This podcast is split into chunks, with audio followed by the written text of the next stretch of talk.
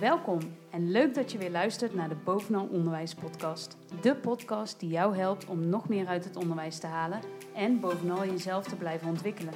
Wij zijn Tom en Christel, beide werkzaam in het onderwijs en altijd op zoek naar nieuwe inspiratie om onszelf verder te kunnen ontwikkelen.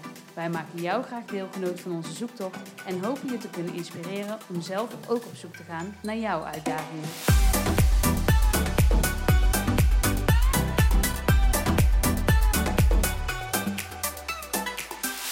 Welkom. Leuk dat iedereen weer luistert naar de Bovenal Onderwijs podcast. Tom, hoe is het met jou? Ja, hartstikke goed. We Ja? hebben elkaar even gemist, hè? Zeker, dat is een tijdje geleden. hè? Een Ja, tijdje ja. geleden. In die tussentijd ben ik wel echt iets heel tofs tegengekomen. Ja. Eh, Clubhouse. Clubhouse. Ken je Vertel. Clubhouse? Ik heb het van jou. Leg even uit, want... Eh, Clubhouse is een app alleen nog voor Apple-gebruikers. Mhm. Ehm, nog niet voor Android. Wat maakt dat het is een hele kleine community van mensen. Je kan eh, jezelf aanmelden bij Clubhouse. Word je niet meteen toegelaten. Je komt op een soort van wachtlijst. En op het moment dat iemand die jij kent eh, al in Clubhouse zit, dan ziet hij van: hey, Tom heeft zich aangemeld. Wil je hem versneld toelaten tot Clubhouse? En dan kan je hem toegang geven. En eh, ja, dat is eigenlijk alleen maar een app waarbij je in audio groepsgesprekken terechtkomt. Dus iemand kan een room opzetten en in die room is dan een bepaald thema. Dus bijvoorbeeld eh, het thema kan zijn ehm, onderwijsachterstanden. En dan kan je zelf kiezen of je aan wil sluiten bij dat gesprek, ja of nee. In Mhm. eerste instantie ben je luisteraar.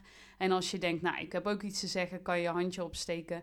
En degene die de room dan georganiseerd heeft, die kan ervoor kiezen om jou op het podium te halen of niet. Maar als je op het podium komt, dan kan je ook echt meepraten en eh, onderdeel zijn van het gesprek. Maar je kan dus twee dingen doen. Je kan of meepraten of gewoon alleen maar luisteren. En ja, er zijn al zoveel toffe onderwijsgesprekken die daar plaatsvinden. Dus eh, ja, volgens mij Als ik jou zo hoor, iPhone, is je toch? ervaring uh, dus positief. Zeker weten. Ja. Wat, wat, wat is dan het grote verschil met wat we nu allemaal al hebben? Ehm, het is heel laagdrempelig. Dus je kan heel makkelijk in contact komen met mensen die eh, bepaalde kennis hebben. Of, ehm, nou kijk, ik luister bijvoorbeeld vooral de onderwijsgesprekken. Maar Mhm. er zijn ook gesprekken die gaan over het pluggen van tv-programma's. Ehm er was laatst er was er een room met allemaal YouTubers, dus bekende YouTubers die daar dus met elkaar in gesprek gaan. Maar die dus ook vragen van eh, mensen beantwoorden die meeluisteren. Dus je kan op een hele makkelijke, laagdrempelige manier in contact komen met nou, experts op jouw eh, interessegebied of mensen die je misschien bewondert. Hè? Als je onwijs Mhm. fan bent van eh, Stuk TV en je kan ineens met die gasten Ja, ja. daar in gesprek. Eh, ja, het enige nadeel is dat je wel een Apple-telefoon ja. moet hebben. En, en, en is het dan ook heel rommelig? Want ik kan me zo voorstellen... hoe nou, ik, ik vind voelt het niet. ontspannen als je daarnaar luistert? Ja, met het is, veel mensen? het is eigenlijk een soort van podcast, maar dan live. Oké. En het wordt eh, eigenlijk over het algemeen niet opgenomen, is het gewoon een gesprek. Mhm. Heel af en toe zijn er gesprekken bij waar er dan van tevoren gezegd wordt van... nou, we nemen dit op en dat wordt dan later verwerkt in een podcast. Leuk. Maar het is heel laagdrempelig. Dus En- het is eigenlijk een laagdrempelige vorm dan een podcast. En je kan iets meer van gedachten wisselen. Dus het kan ook wat persoonlijker worden. Ja, het is heel interactief. Iedereen kan meedenken. En je bepaalt natuurlijk zelf wat je wel of niet wil delen Ja. in zo'n gesprek. Ja, en of het rommelig wordt is heel erg afhankelijk van de moderator. Oh, dus degene die de, de wat? room organiseert, zeg maar. Ja. Die bepaalt ook wie er op het podium komt, ja of nee. En ik heb in rooms gezeten waar 300 mensen Mhm. deelnamen, maar bijvoorbeeld maar vier mensen op het podium waren. Dat was super gestructureerd. Maar ik heb ook in rooms gezeten waar maar tien mensen in het gesprek zaten en alle tien op het podium. Ja, dan wordt het iets ingewikkelder, want dan moet je wel heel erg wachten op Ja, je beurt. ja.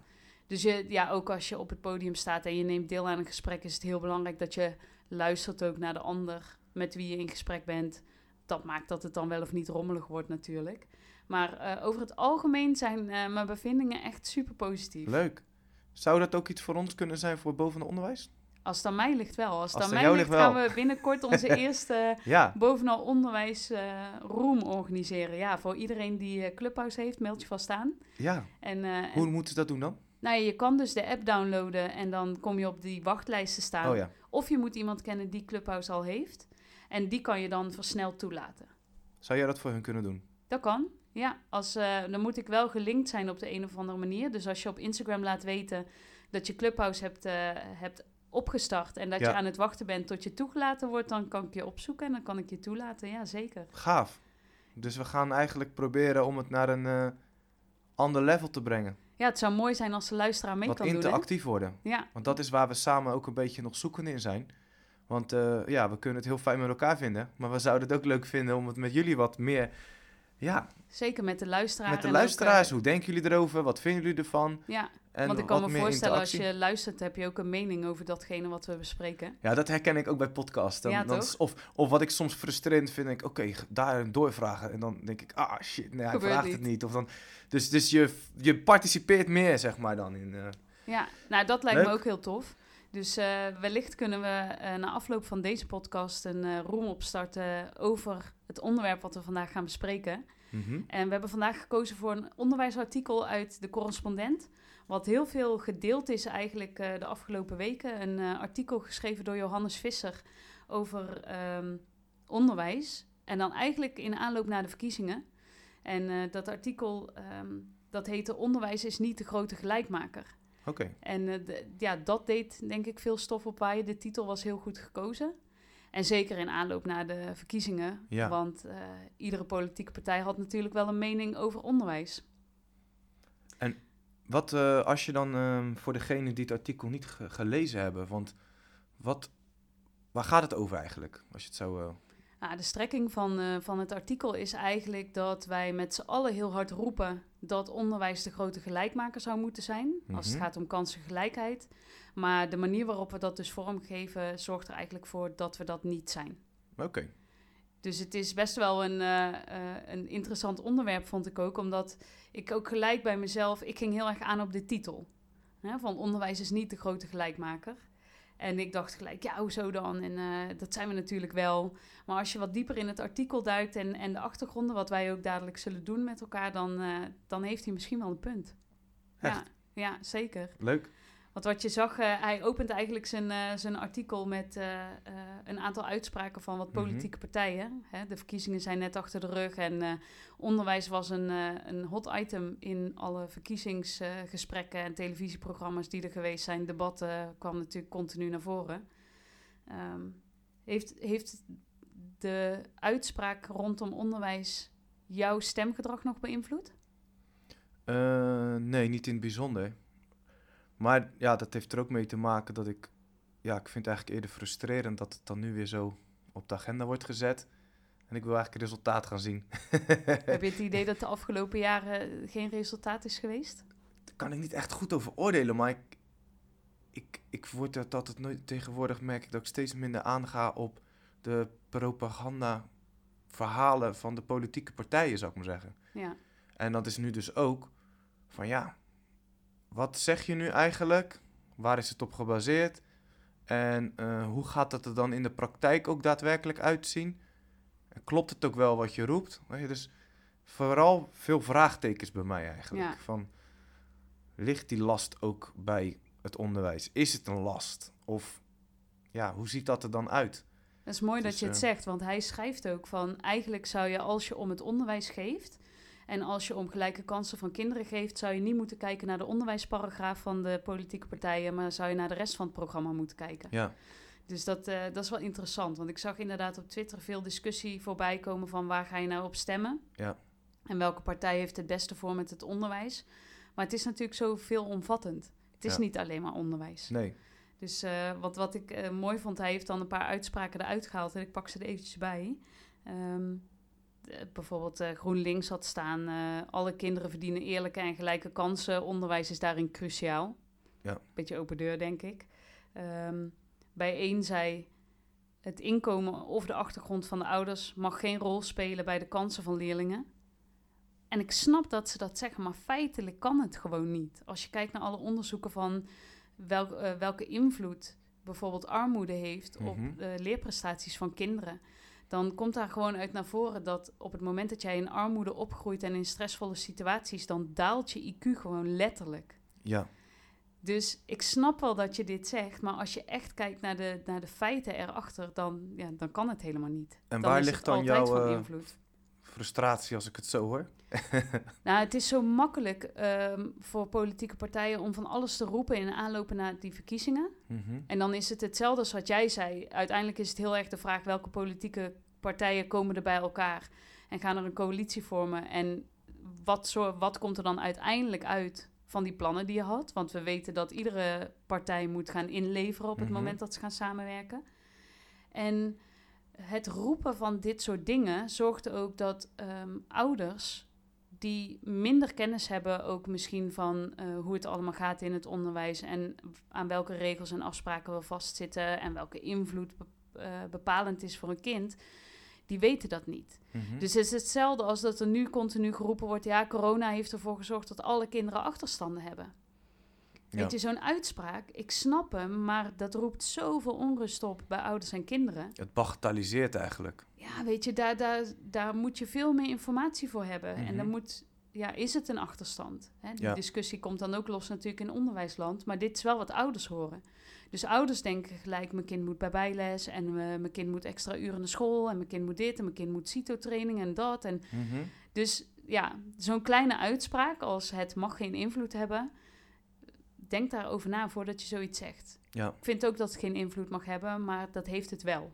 ja, tussen eigenlijk het romantische plaatje van een iedereen eh, moet gelijke kansen hebben om ergens naartoe te kunnen wat hij wil en dat moet ook haalbaar zijn. Ja, Daar zit nogal een kloof eigenlijk, hè? Is dat, is dat wat je zegt? ja. en dat is ook wat hij eh, refereert eh, in dat artikel. Zegt hij Mhm. ook van, ehm, wat bedoelen politieke partijen nou eigenlijk met gelijke kansen? En bedoelt iedereen daar dan wel hetzelfde mee? Of Ja. zit daar misschien verschil in? En ehm, hij zegt ook van, worden die kansen wel ooit echt helemaal gelijk? Ja. En hij zegt nee, die kansen worden nooit echt helemaal gelijk. Nee. En hoe kijk jij er tegenaan? Daar ben ik wel heel benieuwd naar. Nou, dat is ook de reden waarom ik zo aanging, denk ik, op de titel. Omdat Mhm. ik diep in mijn hart zou ik wel willen dat die kansen eh, gelijk zouden worden. Mhm.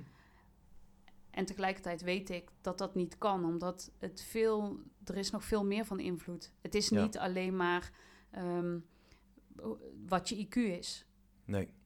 De, alles eromheen, ook alles buitenschool, is van invloed op de kansen die je krijgt. Ja. En dat is ook wat hij zegt. Hè? Hij zegt van ehm, iemand van hoogopgeleid, ehm, hoop- eh, een, een kind van hoogopgeleide ouders heeft meer kans om op het VWO terecht te komen dan een kind uit eh, een gezin waar heel veel armoede heerst. Ja. Terwijl ze misschien wel allebei hetzelfde IQ hebben. En ik zou willen dat het niet waar is, maar het is wel waar. Ja. Omdat dat IQ is niet een gelijke begin eh, startpositie. Het is misschien hetzelfde, maar alles eromheen is zo van invloed. Hoe, hoe groei je op? Met wie groei je op? Wat, wat leer je al vanuit huis? Wat moet je echt op school nog leren? Ehm, daar zit zoveel omheen. Leren gebeurt niet alleen maar op school. Ja, dus er zijn eigenlijk... Het is een totaalpakket wat uiteindelijk eh, ertoe leidt dat een kind ergens belandt. Ja, dat, dat En weet ik zeker. ik heb ook het gevoel dat er nu te veel op één facet... eh, dat dat te veel belicht wordt als het ware, hè? het IQ. Of ja, wat is nou bijles? Dan zou je haast denken, dan doe je toch... Dat moet toch niet nodig zijn als het onderwijs toereikend genoeg is, hè? Dus hoe vullen wij onderwijs in, toch? Ja. Ja, zeker. En daar zit dus denk ik een heel groot verschil aan eh, waar vindt dat onderwijs plaats? En aan wie wordt dat onderwijs gegeven?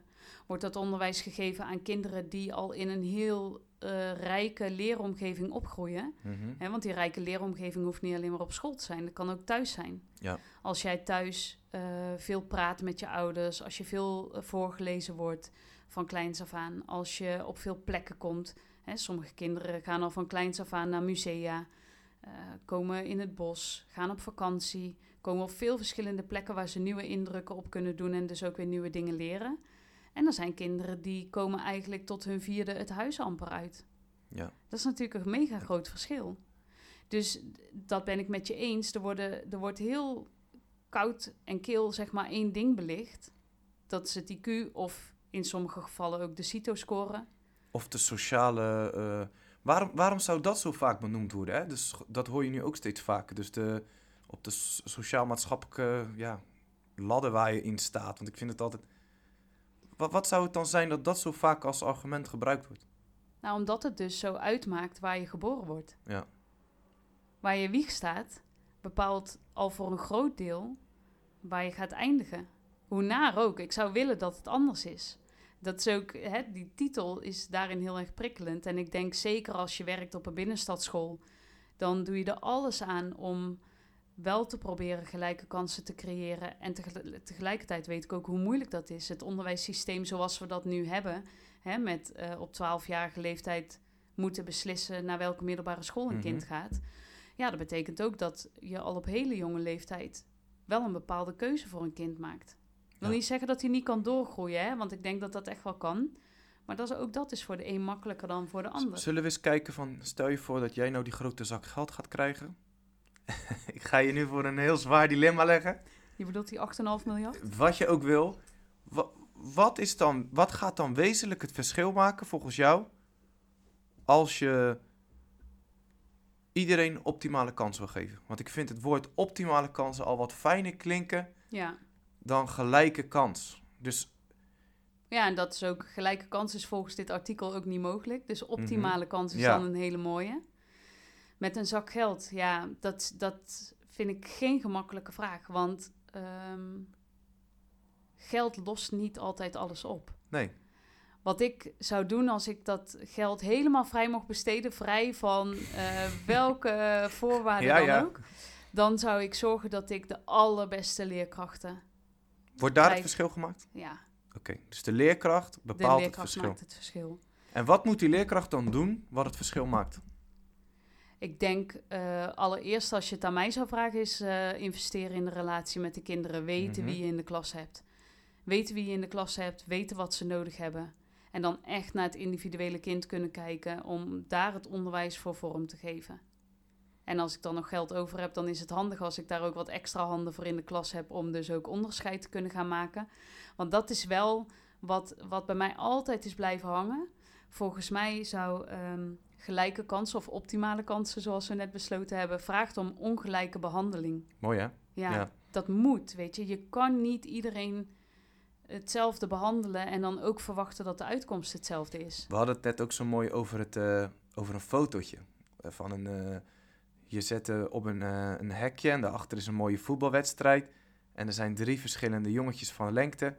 Groot lengteverschil. En je hebt drie boksen. Als je iedereen één box geeft, kan de, kunnen de twee niet naar de voetbalwedstrijd kijken over het hek. En die derde kijkt er nog verder overheen. Ja, En als je daar de boksen zo verdeelt, kunnen drie jongetjes over het hek kijken. Zo Juist. even als je het plaatje voor je kan halen. Ja, ja. daar zit natuurlijk wel een eh, punt. Zeker, absoluut waar. En dat, eh, dat is ook wat hier terugkomt, zo'nzelfde voorbeeld. Hè? eh, hij geeft in zijn artikel ook een voorbeeld van een voetbalwedstrijd. Dat op Mhm. het moment dat je allemaal netjes keurig op je stoel zit, dan kunnen wij allemaal de wedstrijd zien. Maar ik ben iets kleiner dan jij en als degene die voor mij zit heel erg lang is, ja, dan moet ik wel om diegene heen kijken. Ja. Nou, stel je voor dat ik er dan voor kies om te gaan staan. Dan kan ik er overheen kijken, maar degene die achter mij zit, ziet dan helemaal niks meer. Dus die moet ook gaan staan. Dus eigenlijk zegt hij in zijn artikel: op het moment dat we kinderen gelijke kansen gaan geven, dan gaan die andere kinderen die die kans al hadden, toch wel weer een stapje verder. Dus Ja. die gaan opstaan. En op die manier is het dus onmogelijk om uiteindelijk voor iedereen gelijke kansen te hebben. Want die ongelijke behandeling, dat is iets wat we heel vaak nog best wel lastig vinden. Mhm. We moeten iedereen hetzelfde behandelen. Nee, als je voor gelijke kansen wil gaan, zul je dus ongelijk moeten behandelen. Ja, mooi gezegd. Ik zie ook beeldvorming naar het onderwijs. En ik weet niet hoe, maar dat zou ik ook anders willen zien. Dus het, het praten van hoger in de ladder, als het ware. Mhm. Waarin je dus voor mijn gevoel zegt van nou, als je dan het VWO hebt behaald, dat zit zo diep ingeworteld van dan, dat is dus blijkbaar het optimale. Hè? Of ja. het- ik, ik- voor mijn gevoel, als daar geld tegenaan geknald kan worden, en hoe, weet ik dus niet. Maar daar zit volgens mij wel een kern, de beeldvorming. Ook een beetje zoals bij klassen, hè. ja, Het VMBO is ook geweldig. Als dat is wat voor jou haalbaar is, moet dat ook waardig voelen. ja, Dus de beeldvorming en het gevoel wat je daarbij hebt als ouder en als kind, bepaalt ook of je daar gelukkig in bent met wat je doet, denk ik. Ja, nu wordt het één op één naast elkaar gelegd. VWO Ja. zou geluk betekenen. Weet ik niet, maar we, en, en ik denk dat wat je net zelf al zei, in geld zitten niet de oplossingen, maar wel waar herkennen we dan die problemen in? Een leerkracht, zeg je net, is fundamenteel. Ja, Ehm, het kind zelf, denk ik dus ook heel vaak. Oké, we hebben het over kansen, we hebben het over gelijke kansen. Maar wat maakt het dan? Want ik heb nu bijvoorbeeld ook wel eens leerlingen in mijn hoofd. Die komen allebei uit een mindere situatie. En echt geen fijne thuissituatie. Wat maakt het dan dat de ene wel kansen pakt Mhm.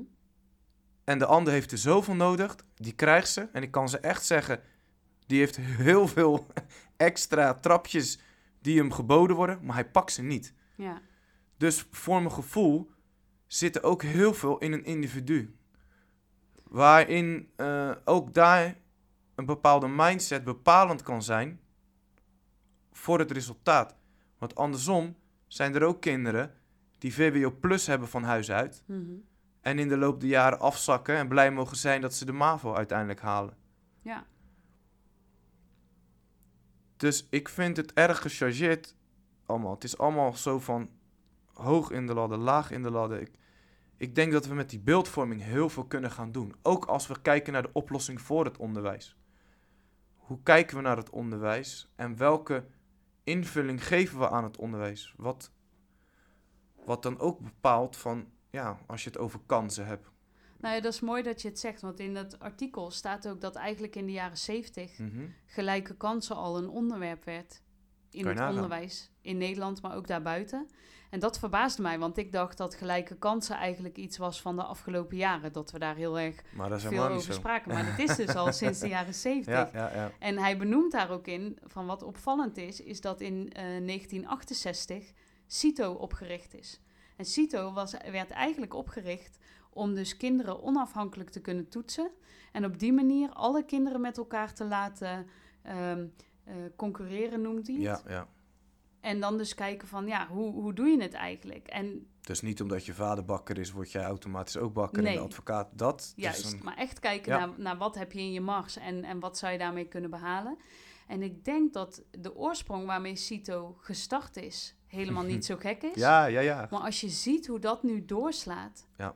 Hè, want het is al lang niet meer alleen een instrument geworden om te kijken welke capaciteit je zou bezitten. Maar het is, het is nou, ook gewoon door alles wat erbij komt kijken en het gewicht wat er gehangen wordt aan zo'n Mhm. CITO-toets, is het voor veel ouders ook een bepaalde drijfveer geworden. Weet je, ik merk dat er steeds meer bijlesbureaus Ja. komen die CITO trainen.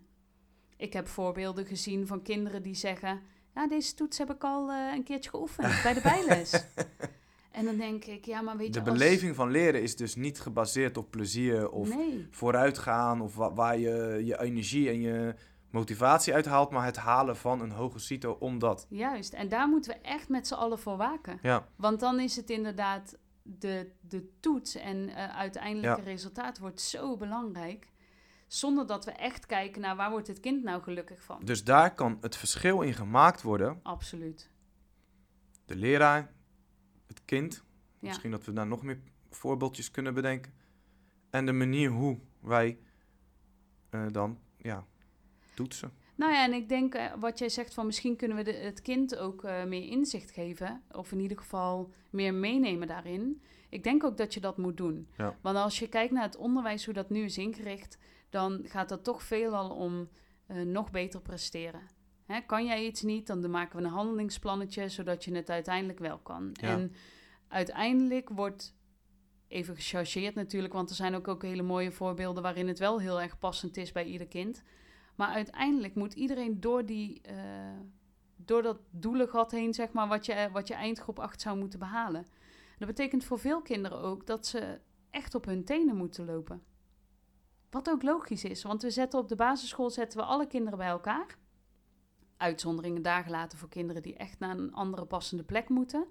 Maar ehm, we zetten alles bij elkaar. Van eh, laag IQ tot hoog IQ.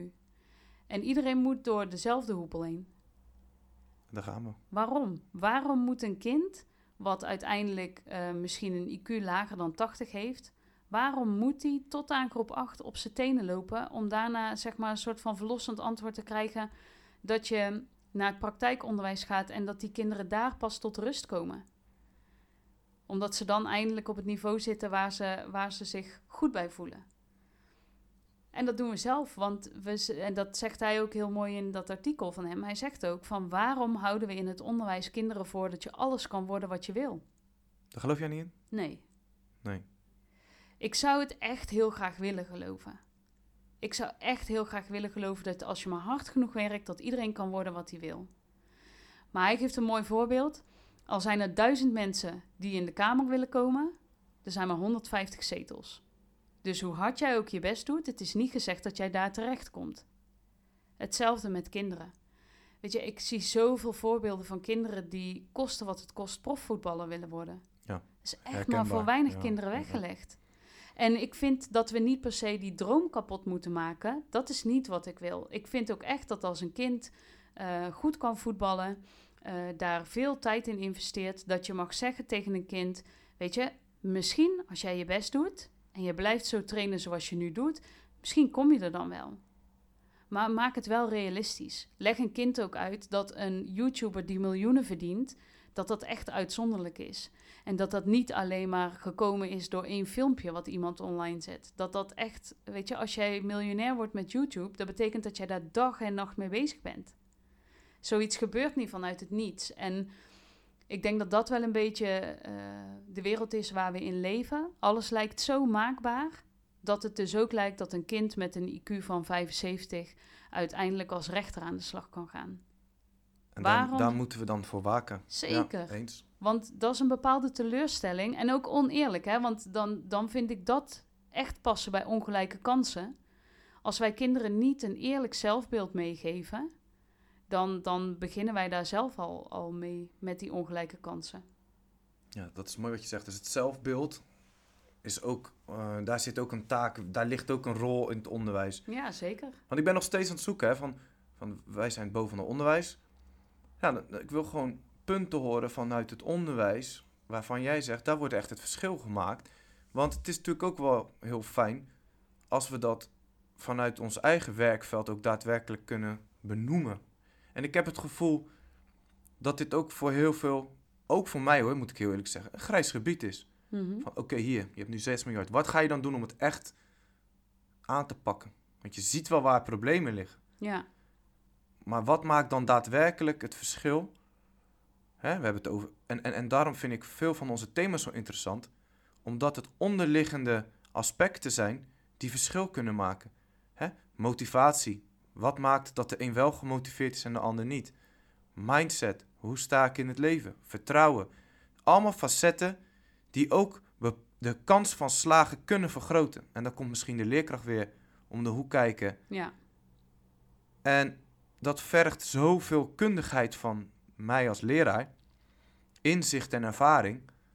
En ik wil er eigenlijk in geloven dat daar het verschil zit. Niet in bijles. Niet in inderdaad het eh, refereren naar de CITO en nog hoger. Mhm. Ik denk dat wij daadwerkelijk het verschil kunnen maken. En als de beeldvorming van buitenaf daarin ook een duw in de goede richting geeft. Inderdaad, hoe jij het al aangeeft met, met, met social media. Daar zit denk ik het grote, het grote punt. Realistisch zelfbeeld, reflectie van wat kan je, waar kan je goed in worden. ja. En ook wat, ik ook, wat ik bij mezelf bijvoorbeeld heel erg heb gemerkt. Als ik naar mezelf kijk, kom ik echt uit een perfecte midden, middenklasse gezin. Mhm. Nooit iets tekort gekomen. Maar wat voor mij bijvoorbeeld een stap zou zijn, is ondernemen.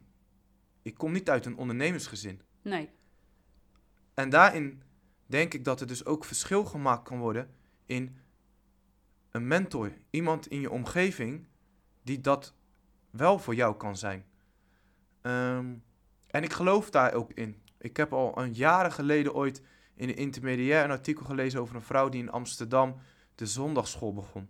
ja. En- IMC Weekendschool bestaat Ja, nog steeds. Is, ja, en wat ik daar zo mooi aan vond, is dat een advocaat ook naar zo'n school komt en vertelt wat überhaupt het zijn van advocaat betekent. Ja, Er komt misschien een militair. Al, dus dat je, je het beeld gaat vormen, en daar zit denk ik ook het grote verschil, van weet ik eigenlijk wel wat dat dan betekent. ja, En voor mij, eh, ik kan me zo goed herinneren dat ik een keer aan tafel zat bij eh, een, een vriend van me van karate toen destijds met zijn kinderen.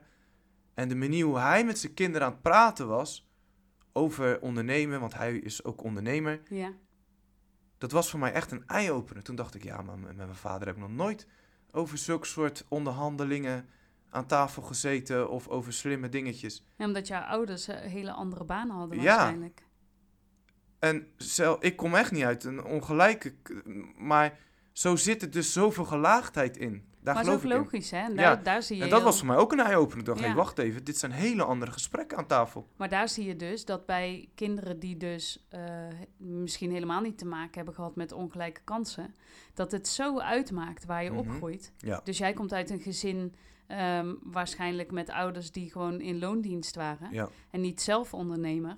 Ja, en daar zit een groot verschil. Ja. Dus jij hebt in jouw directe omgeving niet eh, te maken gehad met mensen die een eigen onderneming hadden.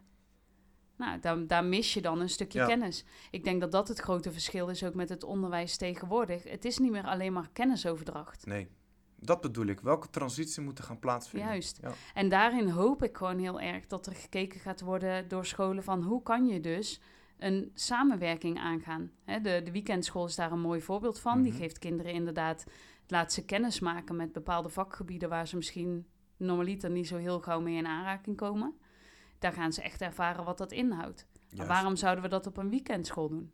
Waarom doen we dat niet gewoon op de basisschool of bij jou op de middelbare school? Dus daar mag voor mij best wel wat geld in. Zeker. Ja, nee, maar ik denk ook dat je daar hele mooie samenwerkingen kunt gaan krijgen. De rol van mentor, Ja, een realistisch beeld van wat bepaalde beroepen dan ook inhoudt. en daarbij denk ik eh, zeker eh, met het oog naar de VO-periode, of misschien wel daarna MBO, HBO, in hoeverre leren kinderen een netwerk opbouwen? Mhm. Hè, als jij niet direct die mensen in je omgeving hebt die dat vak uitoefenen wat jij heel interessant zou vinden, Ja. ja. hoe kom je dan ooit in aanraking met? Somm- voor sommige vakken heb je gewoon een opstapje nodig. Als je iemand kent in de business, is het soms makkelijker. Nou, weet je, ga met kinderen investeren in hoe bouw ik mijn netwerk op. Ja, en en de, de, de rol inderdaad daadwerkelijk weer van een mentor of een voorbeeld iemand, dat is ook denk ik heel bepalend om erin te kunnen geloven dat jij ook eh, dat zou kunnen gaan doen. Ja, Eh, van welke achtergrond je ouders komen, hoeft dan geen probleem te zijn. Als jij een voorbeeld ziet van iemand die dat ook bereikt heeft en hij kan daar met jou over praten, dan ga je er ook in geloven. Het heeft misschien ook met vertrouwen te maken. ja, Dus wat jij zegt inderdaad, van we moeten eerlijk zijn, wat is haalbaar. Maar ergens, en dat knaagt, dat is denk ik het gevoel wat dan zo moeilijk te vatten is, is wel van daarin, in die, op het moment dat we eerlijk zijn geweest, dan zou je kunnen zeggen de kans moet overal toch wel gelijk zijn. wat bedoel je daarmee? Ehm, nou, we hebben al gezegd van eh, als jij eh IQ'tje 60 hebt, ga je geen eh, hè, bepaalde Mhm. opleiding kunnen doen. Maar we zouden er wel naar kunnen streven, inderdaad, om als inderdaad allebei de leerlingen evenveel potentie hebben, Ja, dat we dan kunnen kijken van wat kunnen we er wel aan doen dat die kans zo groot mogelijk is. ja. En zou je dan een voorstander zijn eh, van eh, wat nu bijvoorbeeld al gebeurt, zo'n profileringsbeleid? Dus dat bedrijven die zeggen van eh, zoveel procent moet vrouw zijn, zoveel procent moet man zijn, zoveel procent moet iemand van kleur zijn. Zou je daar een voorstander van zijn? Of zeg je nee, kwaliteit Ja, dat klinkt, eigenlijk, dat staan? klinkt eigenlijk als de CITO-score. een soort indekken van het waarborgen van, maar hoe het er dan in de praktijk uitziet, ja. Van mij mag een vrouw ook minister-president zijn, graag zelfs, maar dan moet de kwaliteit gewoon goed zijn, punt. Ja, want dat is het, hè? Want En, daar denk ik eh, ook vaak over na. Iedereen mag van mij eh, directeur op een basisschool zijn, maar het gaat om de kwaliteit die jij levert. Nou, maar dat is dus de vraag. Want ja. Dat is wat er nu eh, bij veel bedrijven gebeurt. Hè? Dat er gezegd wordt van zoveel procent moet vrouw zijn, zoveel procent moet Ja. man zijn. Ik hoorde bij PvdA bijvoorbeeld, hebben ze evenveel mannen als vrouwen op de kieslijst staan, hoorde ik. ja, Eh, dat is een bewuste keuze.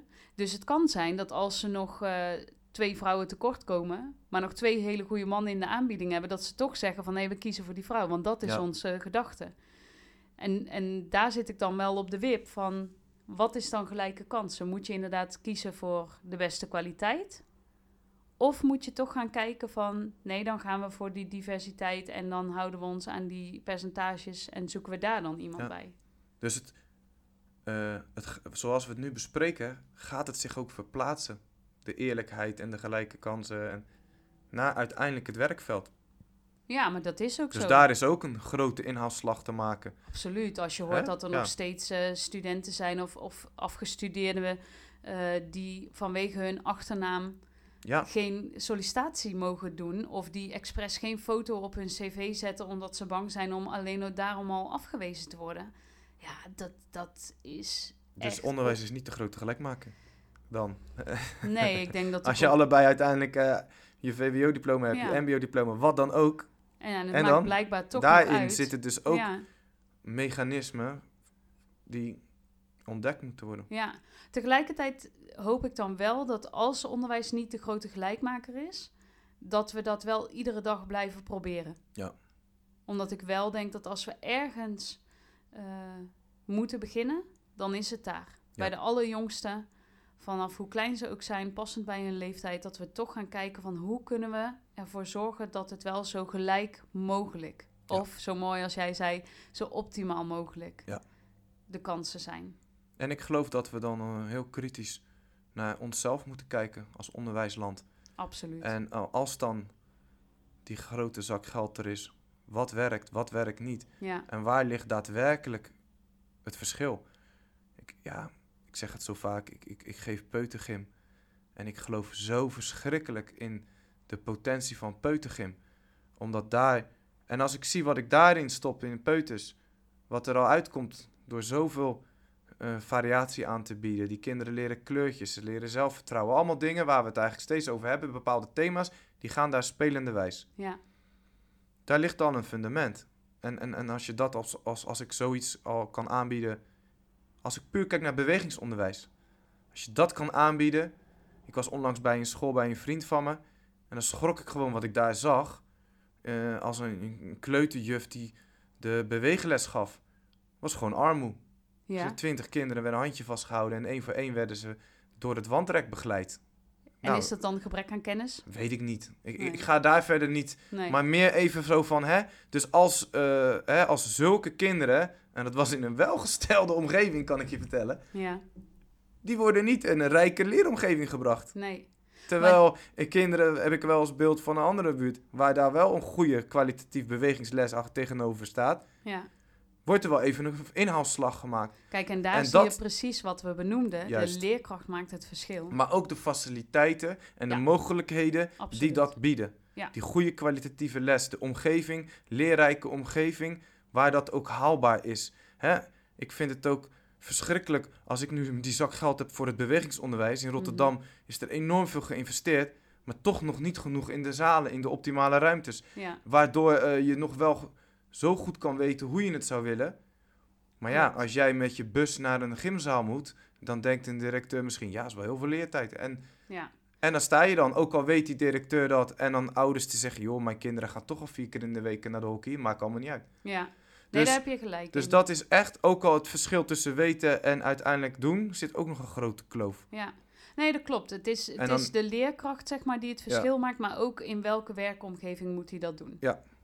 En het, ja, goed, dat.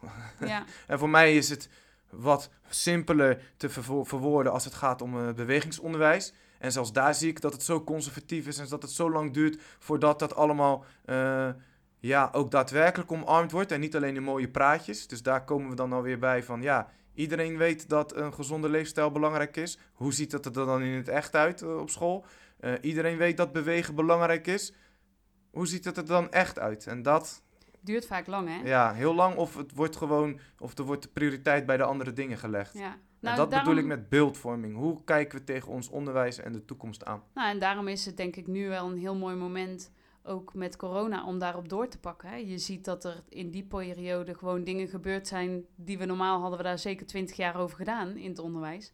Dus ik hoop heel erg dat daar nu gebruik van gemaakt wordt. Ja. Ik ben ook heel benieuwd wat de luisteraar Daar gaan we. ziet als, eh, als gelijkmaker voor het onderwijs, wat er Ja. dan voor nodig zou zijn.